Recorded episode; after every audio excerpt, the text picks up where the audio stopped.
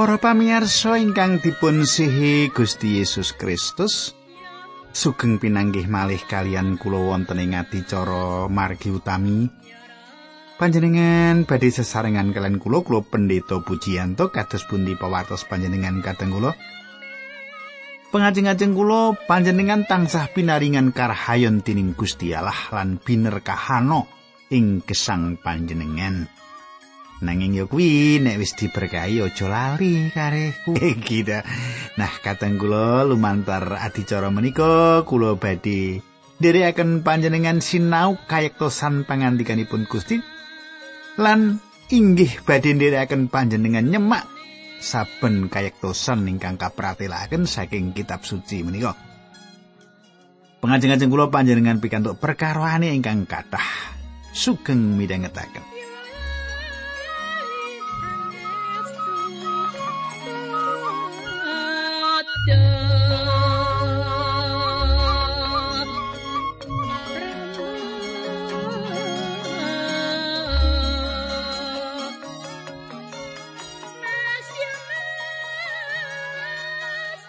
Para pamirsa menapa panjenengan tasih kemutan menapa ingkang kula andharaken tuk nalika pinanggih kepengker Kula badhe ngaturaken sekedhik kemawon supados ngimutaken panjenengan menapa ingkang sampun kula andharaken tuk nalika kita pepanggihan. Wonten ing salebetipun pepanggihan ingkang kepengker kita sampun nyemak kados pundi Paulus dipun tampeni kanthi gita-gita. Ing wekdal piyambakipun dumugi ing Yerusalem. Salajengipun kados pundi kelajenganipun kita badhe nyemak samenika nanging saderengipun monggo kita tumungkul kita ndedonga nyuwun pitulunganipun Gusti. Duh Kanjeng Rama ing swarga ingkang dados sesembahan rinten kalian dalu wonten ing asmanipun Gusti Yesus Kristus kawula sowan wonten ngarsa paduka nyuwun tuntunanipun Gusti supados adicara menika saged dados berkah kegiatan dumateng sederek-sederek kawula ingkang setya midhangetaken adicara menika. Tumrap sederek kawula ingkang samenika gadah momotan gesang awit menapa kemawon duh pengiran supados paduka berkahi. Linambaran asmanipun Gusti Yesus Kristus kawula ndedonga haleluya amin.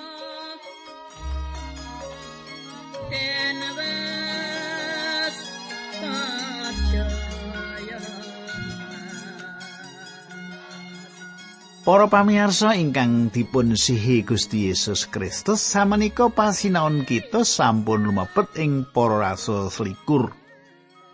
Ing para rasul selikur kepengker kita sampun dumugi para rasul selikur ayat 6 likur samenika kula badhe maosaken panjenengan ayat 17 ngantos 8 likur. Ngarepake genep pitung dina enteke mangsa sesuci mau ana wong Yahudi sawetara saka ing tanah Asia padha weruh Rasul Paulus ana ing pedalemane Allah wong-wong mau nuli ngojo-ojoki wong akeh supaya nyekel Rasul Paulus. Wong-wong mau padha nguwuh-wuh mengkene sederek-sederek tiang Israel. Nyuwun tulung menika tiangipun ingkang kisah dateng pundi-pundi memucal supados tiang sedaya nglawan bangsa Israel lan toretipun Nabi Musa sarta pedalmanipun Allah menika. Samenika tiang menika ugi ngajak tiang-tiang kafir sami mlebet wonten ing pedalmanipun Allah lan srana mekaten damel najisipun pedalman Allah. Katang kula panjenengan katosaken. Kados ingkang dipun tindakaken dening masa, masa menika atindakaken alasan jubrio lan lepat nampi keterangan. Masa menika nindakaken alandesan raos jubriyo lan lepat nampi keterangan. Ayat 29. Enggone padha muni mengkono mau merga padha weruh Trofimus wong Efesus ana ing Yerusalem bebarengan karo Rasul Paulus dikira yen Rasul Paulus sing ngajak Trofimus mau mlebu ing pedalemane Allah. Para pamirsa, Trofimus inggih menika tiang sanes Yahudi saking Efesus Lan piyambakipun menika tiang pitados singgal awit saking peladosanipun Paulus. Ing wekdal piyambakipun wonten ing Yerusalem sesarengan kalian Paulus. Piyambakipun boten gadah pepinginan kisah dateng pedalaman Allah utawi nderek upacara menapa kemawon ing pedalamanipun Allah. Kabawase rahmat piyambakipun saged kemawon nindakaken makaten menika. Menawi panji piyambakipun gadah kekajengan nindakaken inggih menika ingkang kula kajengaken gegayutan kalian kamardikan kita ing salebetipun sih rahmat. Kita lajengaken ayat tigang dosa ngantos tigang dosa kalih bab selikur para rasul. Makaten surasipun. Wong sakutha kabeh banjur geger lan kabeh padha kemrubut ngumpul. Rasul Paulus nuli dicekel lan digelandang metu saka pedalemane Allah lawangi pedalemane Allah nuli enggal enggal ditutup. Bareng wong akeh sing gawe geger mau lagi nyoba mateni Rasul Paulus kumendani tentara Rum krungu yen sakutha Yerusalem kabeh lagi berontak. Sanalika komandan mau teko nggawa perwira lan prajurit sawetara lan inggal-inggal nglabrak wong akeh mau bareng padha weruh para prajurit lan komandan teko wong-wong mau padha leren nggone ngebuki Rasul Paulus. Kadang kula tiang-tiang menika sengit dumateng Paulus. Awit Paulus mucalaken pilih tiang boten perlu nindakaken paugeranipun Musa menawi badhe kawilujengaken. Paulus mbudidaya kados pundi saged andadosaken bangsanipun menika tiang pitados sinaosa pambudidaya menika mboten kasil kados ingkang wonten ing pikiranipun. Nanging paling boten menapa ingkang dipun tindakaken menika selaras menapa ingkang dipun kersakaken Gusti Allah. Tiang kathah saged kemawon mejahi Paulus saupaminipun komandan prajurit lan para prajuritipun menika mboten cawe-cawe. Ayat tigang dosa tiko, kumendan mau marani Rasul Paulus nuli perintah supaya Rasul Paulus tangani dirante loro-lorone. Sawise kuwi kumendan mau banjur takon marang wong-wong sing ana ing kono, wong kuwi sapa lan apa sing ditindakake. Kadang panjenengan katosaken kumendan prajurit kala wau mboten tepang Paulus. Saketuki kumendan menika gadah pikiran menawi Paulus sampun nindakaken patra piawon dados piyambakipun ngrante Paulus. Kadang ayat tigang dosa sekawan ngantos tigang dosa enam bab selikur para rasul makaten surasipun. Ing antarane wong akeh mau ana sing kondo mengkene, ana sing kondo mengkono. Sarene kisruh banget nganti komandan mau ora bisa oleh keterangan sing saknyatane mulane banjur perintah supaya Rasul Paulus digawa menyang beteng. Bareng tekan undang-undangane beteng Rasul Paulus kepeksa disunggi sebab wong-wong sing padha gawe rusuh mau ambyuk desek-desekan. Karo nguwuh-wuh wong kuwi dipateni wae. Kadang kula. Awit komandan prajurit menika mboten angsal keterangan ingkang gumathok saking tiang kathah. Pramila piyambakipun beto Paulus dateng beteng kangge mangertos menapa ingkang dados pandakwanipun tiang-tiang menika dumateng Paulus. Sawenika ayat telung puluh pitu lan telung puluh wolu. nalika arep digawa mlebu dening para prajurit ana ing beteng Rasul Paulus kondo karo komandani pasukan. Menapa kula kepareng matur sekedhik, komandan mau nuli takon menapa panjenengan ngertos basa Yunani? Menawi mekaten panjenengan menika sanes tiang Mesir ingkang dering dangu menika miwiti pemberontakan beto bolo tiang kawanewu dateng Ororo Samun. Kadang kula, komandan prajurit kala wau gadah pikiran gadah pemanggih bilih Paulus menika satunggalipun pemimpin gerombolan ingkang mbalela ingkang beto gerombolanipun dhateng daerah kalawau. Ayat 3 songo wangsulane Rasul Paulus kula menika tiang Yahudi dipun lairaken wonten kitha Tarsus ing tanah Kilikia warga kita ingkang kesuwur menika kula nyuwun dipun parengaken nyukani keterangan sekedhik dhateng tiang-tiang menika. Katang kula panjenengan tingali. Paulus sanjang mawi basa Yunani piyambakipun nyukani keterangan dumateng kumendan prajurit menika pilih piyambakipun menika tiang Yahudi. Ayat kawandoso. Kumendan mau ngidini lan Rasul Paulus nuli ngatek ana ing undhak-undhakan menehi sasmita nganggo tangane bareng wong kabeh wis meneng. Rasul Paulus nuli menehi keterangan marang wong akeh mau nganggo basa Ibrani mengkini. Kadang kula sinaosa dumateng komandan prajurit menika mawi basa Yunani, nanging ing wekdal piyambakipun sanjang dumateng golongan Yahudi menika mawi basa asalipun inggih menika Ibrani. Salajengipun kita lumebet ing para rasul kalih likur kadang kula. Kalih likur ayat setunggal. Para bapak lan para sederek sedaya kula aturi mirengaken panjawab kula dhateng panjenengan sedaya. Kadang kula panjenengan semak tiang-tiang kala wau satunggal bangsa. Paulus ngatingalaken satunggalipun raos kurmat kanggenipun tiang-tiang ingkang langkung sepuh lan para bapak. Ayat kali. Krungu Rasul Paulus caturan nganggo basa Ibrani mau wong kabeh saya mundhak antengi Rasul Paulus nulis nerusake nggone aweh keterangan. Kadang kula panjenengan katosaken. Tiang-tiang mirengaken menapa ingkang dipun sandhangaken satunggalipun tiang ingkang dados perangan saking tiang-tiang kula wau. Eh, iki bangsaku dhewe. Tak rungokke. Paulus nalika semanten miwiti sejarah lampah gesangipun. Panjenengan mbok menawi ing tengah-tengahipun masyarakat masa ingkang kata lajeng panjenengan ginakaken basa Jawi awit masa menika tiang Jawi tentu tiang-tiang menika lajeng kendel mirengaken gitu. Nah saat menika ayat tiga, kulo menika tiang Yahudi lahir kulo wonten ing kita Tarsus ing tanah Kilikia. lan dipun agengaken wonten ing kitha Yerusalem dados muridipun Maha Guru Gamaliel. Kula dipun wulang toretipun para luhur kita kalian triti lan ngabekti dhateng Gusti Allah. Mboten beda kalian panjenengan sedaya menika kula pancen nglawan piwulang bab rancanganipun Gusti Allah lumantar Gusti Yesus menika. Kadang kula Paulus meratelaken dumateng tiang-tiang menika bilih piyambakipun menika kalebet perangan peranganipun saking tiang-tiang menika piyambakipun nate dados tiang Farisi. Salah satunggal landesan kenging menapa Paulus gadah kawigatosan ingkang ageng dumateng tiang-tiang Yahudi lan sanget dening tresnani inggih menika awit piyambakipun mangertos saestu menapa ingkang dados reraosanipun manah tiang-tiang Yahudi menika.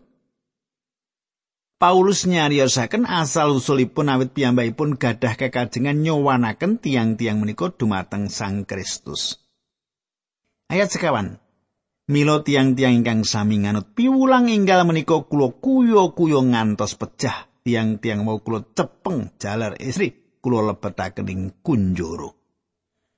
Kadang kula panjenengan katosaken ingkang sami nganut piwulang enggal menika inggih menika margi kayektosan lan kesan sinten malih menawi mboten pribadi Gusti Yesus ayat gangsa 6 lan pitu Imam Agung piyambak.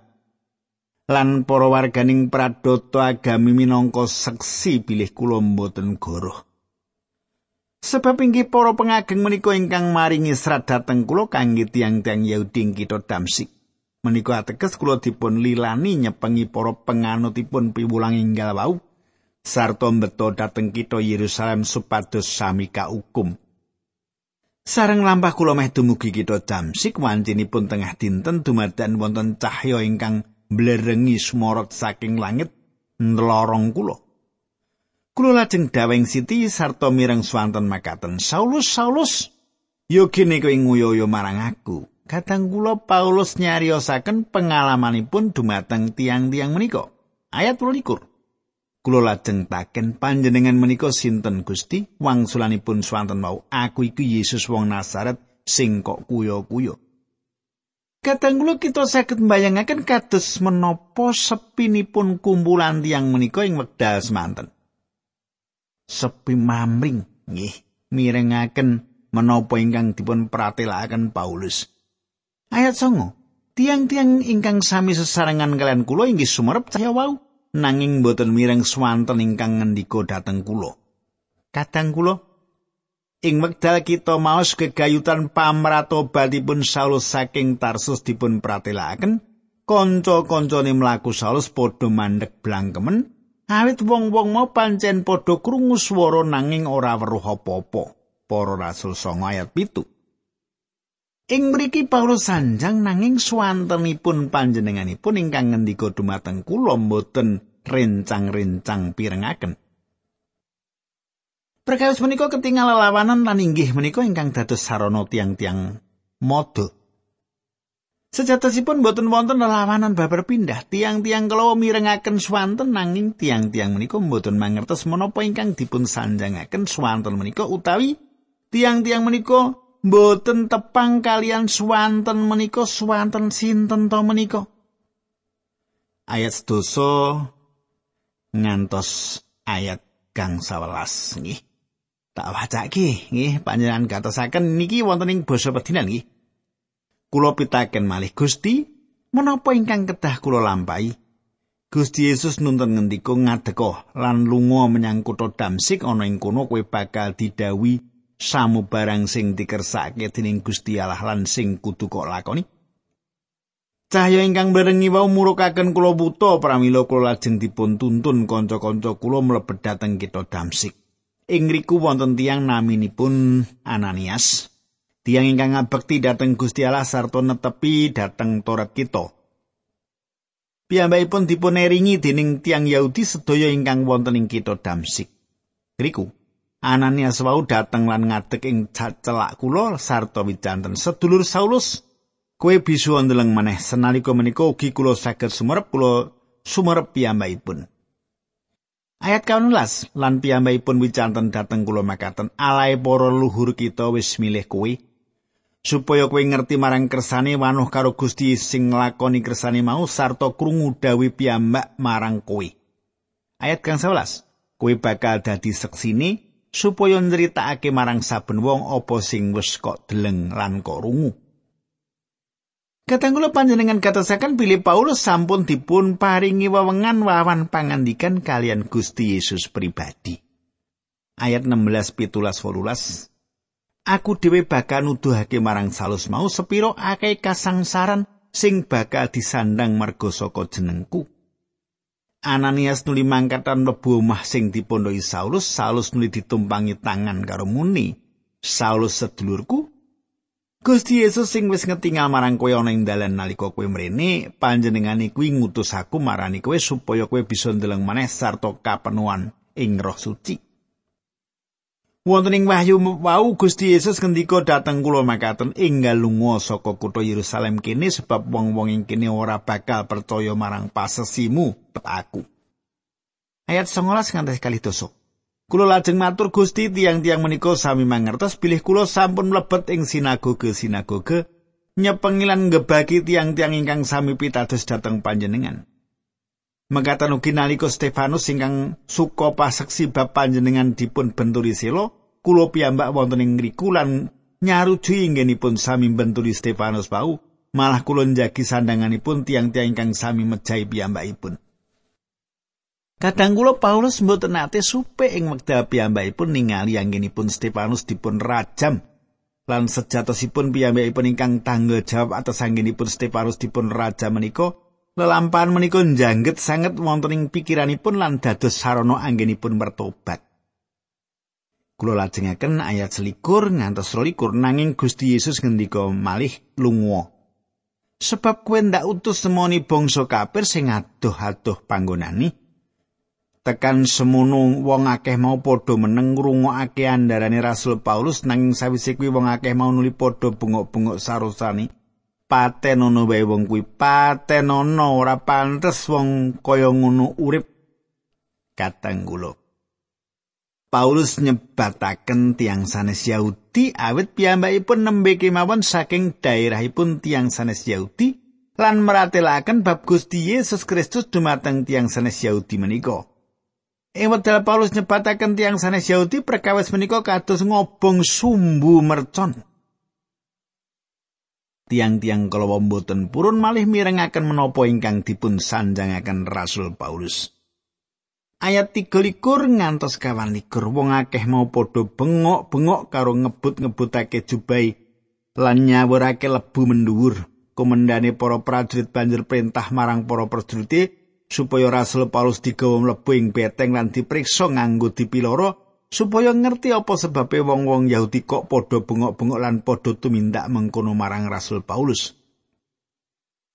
Kadang kula panjenengan semak ing wekdal Paulus wangsul sanjang ing salebetipun basa Ibrani dumateng tiang kathah menika Kemudian prajurit menika ngadeg wonten ing mriku lan boten mangertos menapa ingkang saweg dipun sanjangaken Paulus. Ingkang dipun tindakake wekdal ningali tiyang kathah menika nesu. Inggih menika ngayomi Paulus mlebet ing salebetipun beteng. Perwira menika gadah pikiran bilih piyambakipun badhe mangertos masalah menika kanthi metuti Paulus.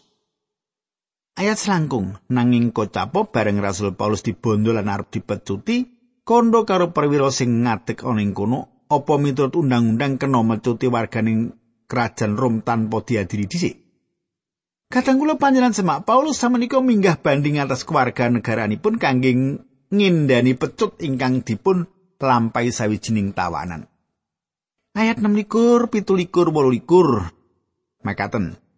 Bareng kurungu yen Rasul Paulus kuwi warga kerajaan Rom, perwira mau nuli marani komendani lan matur, Pak, panjenengan menika kados pundi yang menika jebul warganing kerajaan Rom. Kumendani mau nuli marani Rasul Paulus lan takon menapa estu panjenengan menika warganing kerajaan Rom. Wangsulane Rasul Paulus kasinggian. Komandan mau nuli kondo kula pikantuk pemenang dados warganing kerajaan Rom srana mbayar kathah wangsulane Rasul Paulus. Nanging kula dados warganing kerajaan Rom ada dasar kelahiran kula. Kadang kula panjenengan katasaken perwira menika nate dados batur tukon. Piyambakipun sampun pikantuk arta kangge numbas kamardikanipun. Piyambakipun nglampahi minggah pangkat ngantos piyambakipun dados perwira. Piyambakipun gumun gadah tawanan ingkang dados warga negara Roma ingkang kedahipun sampun merdika wiwit dipun lairaken. Sawenika para rasul bab 22 ayat 29 ngantos 3 dosa. Sanalika kuwi uga para prajurit sing ngarep padha mriksa Rasul Paulus nuli padha mundur lan komandane dhewe bareng ngerti yen Rasul Paulus kuwi warganing kerajaan Rom uga banjur wedi sebab dheweke wis akon ngrante Rasul Paulus.